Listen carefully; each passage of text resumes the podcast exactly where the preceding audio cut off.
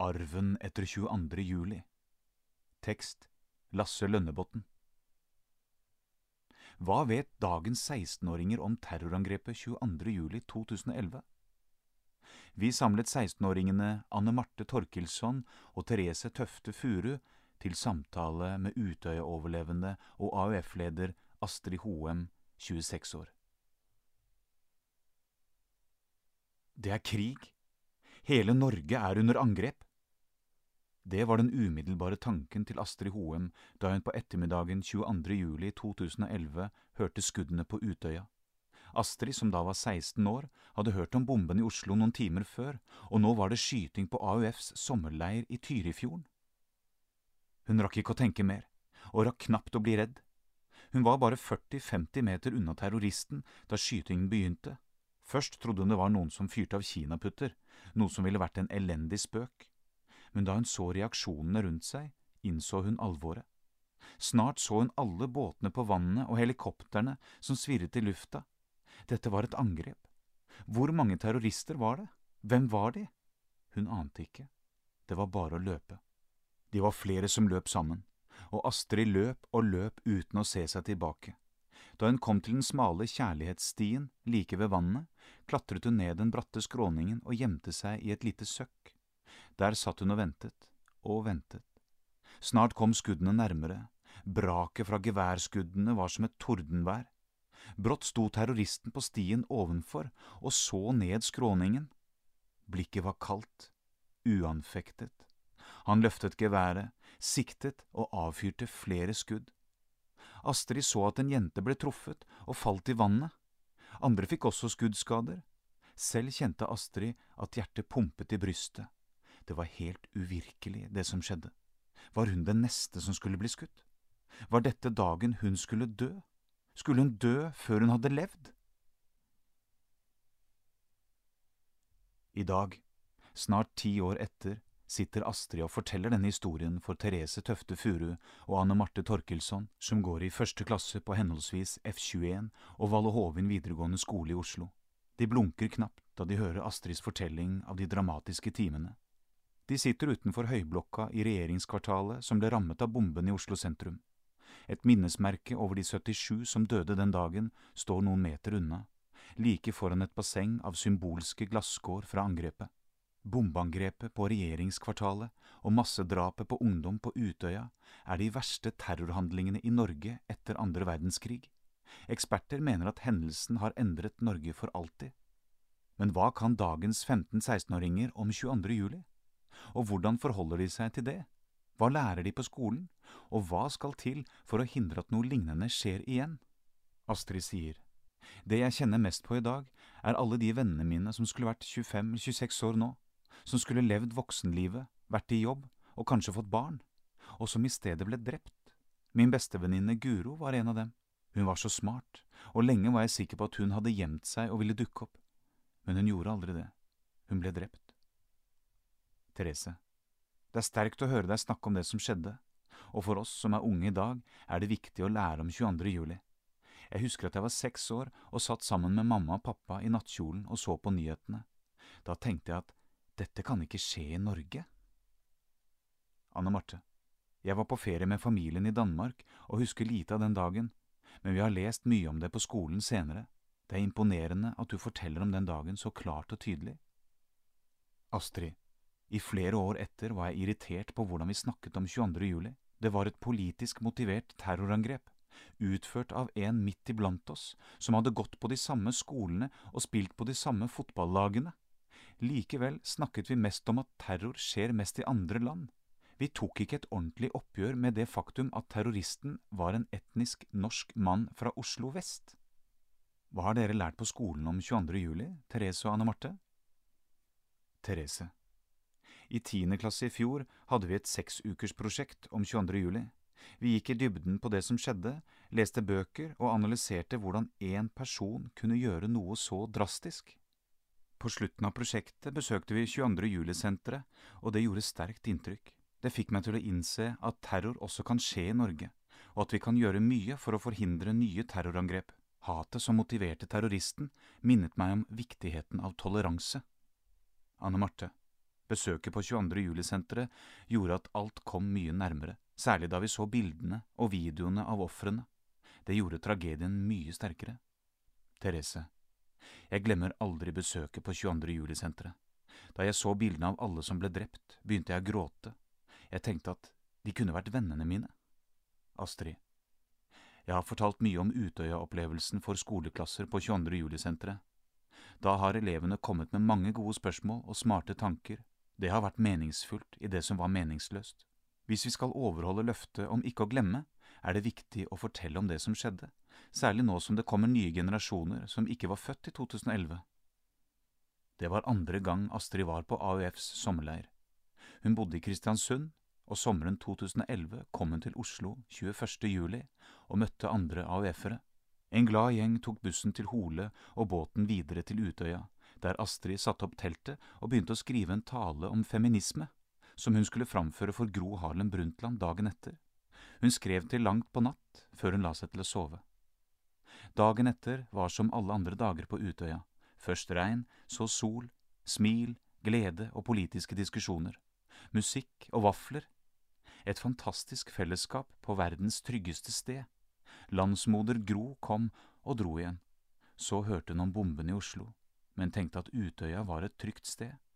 Det var fredag ettermiddag, og politiske temaer skulle gli over i hyggelige stunder rundt sommerbålet. Så smalt det, og ut av intet lå Astrid i dekning, redd og i livsfare. Astrid, nå må jeg lukke øynene, for ellers får jeg aldri disse horrible bildene ut av hodet tenkte jeg da jeg lå der. Samtidig ville jeg også se hva som skjedde. Jenta som ble skutt ved siden av meg, sa hils mamma og pappa og si at jeg elsker dem. Så falt hun i vannet. Heldigvis overlevde hun, vi var mange som gjemte oss der. En stund var jeg redd for å dø, det var langt til fastlandet, og jeg ville aldri klart å svømme helt over. Jeg sendte en melding til moren min. Jeg elsker dere overalt på jord, dere er verdens beste foreldre. Hun svarte aldri, for hun visste ikke hva som skjedde før en stund etter. Etter hvert hørte vi at terroristen gikk videre, men vi turte ikke bevege oss. Så hørte vi flere skudd i det fjerne, og ble redde for de andre på øya. Først en time etter at terroristen var tatt, turte vi å bli tatt imot av redningsmannskapet. Hva er det viktigste du vil si til ungdommen om 22. juli? Astrid, vi er en del av historien og kan påvirke det som skjer. Etterspillet etter 22. juli lever ennå, og hvis målet er å bli et mer tolerant samfunn, så må vi snakke om de vanskelige tingene, både i samfunnsdebatten og rundt middagsbordet. For terror kan skje igjen. Det er ikke lenge siden terrorforsøket mot en moské i Bærum, og akkurat som 22. juli ble det utført av en hvit, norsk mann. Det er vanskelig å forstå hvordan dette landet kan utvikle ekstremister og terrorister, derfor må flere snakke om 22. juli. Anne Marte en av mine lærdommer har vært å være bevisst på hvordan jeg snakker om andre, og ikke snakke fordomsfullt. Så følger jeg mye med på nyhetene. Har det skjedd noe spesielt, er det fint å snakke med venner og høre hva de tenker. Therese Vi snakker ofte om rasisme og trakassering i venneflokken. Black Lives Matter-kampanjen har vært et stort tema. Det er interessant å lese at eldre generasjoner har vokst opp med et helt annet tankesett om rasisme, og at mange har funnet seg i det. Nå står flere opp mot rasisme. I 2019 viste en forskningsrapport at norske skoleelever lærer lite om ideologien som lå bak terroristens handlinger 22. juli. Forskeren bak rapporten, Trine Anker, antydet at det skyldtes lærernes berøringsangst, og at tematikken kan være for belastende for flere lærere. Astrid 22. juli bør absolutt bli en større del av skoleundervisningen. Vi må snakke om det som skjedde, for å lære av historien så den ikke gjentar seg. 22. juli handler ikke bare om det grufulle som skjedde den dagen, det handler også om rasisme og ekstremisme, og hvordan vi skal bekjempe det. Da må det inn i læreplanen. Anne Marte, ja, jeg er enig. Therese, vi hadde en engasjert lærer i tiende klasse som lærte oss mer enn det som sto i lærebøkene. Hvis det skjedde noen ting i verden, tok hun det opp og belyste det nærmere. Det gjorde klasseromsundervisningen mer interessant. Det var hun som satte i gang 22. juli-prosjektet. Astrid, Flere overlevende etter 22. juli har fått drapstrusler. Noen har fått høre at de skulle blitt drept på Utøya, etter å ha uttalt seg om innvandring, for eksempel. Begge de tidligere AUF-lederne, Ina Libak og Mani Hussaini, har opplevd det. Hets og hat er en del av debatten etter 22. juli, og det er skummelt. Anna Marte, er det fremdeles vanskelig å snakke om 22. juli? Astrid, ikke nå lenger, men å ta inn over seg alle de unge menneskene som døde, er fremdeles tøft. Da jeg begynte på videregående den sommeren 2011, ville jeg ta avstand fra det. Jeg ville ikke være Astrid Hoem den overlevende, for det hadde jeg vært i lokalavisa hele sommeren. Jeg ville bare være en vanlig 16-åring som startet på videregående, men ti år etter er jeg usikker på hvor godt vi har forstått det som skjedde. Vi hører statsråder som uttaler seg på grensen til rasistisk, som oppildner til farlige holdninger. Å dehumanisere andre mennesker kan gi grobunn for vold.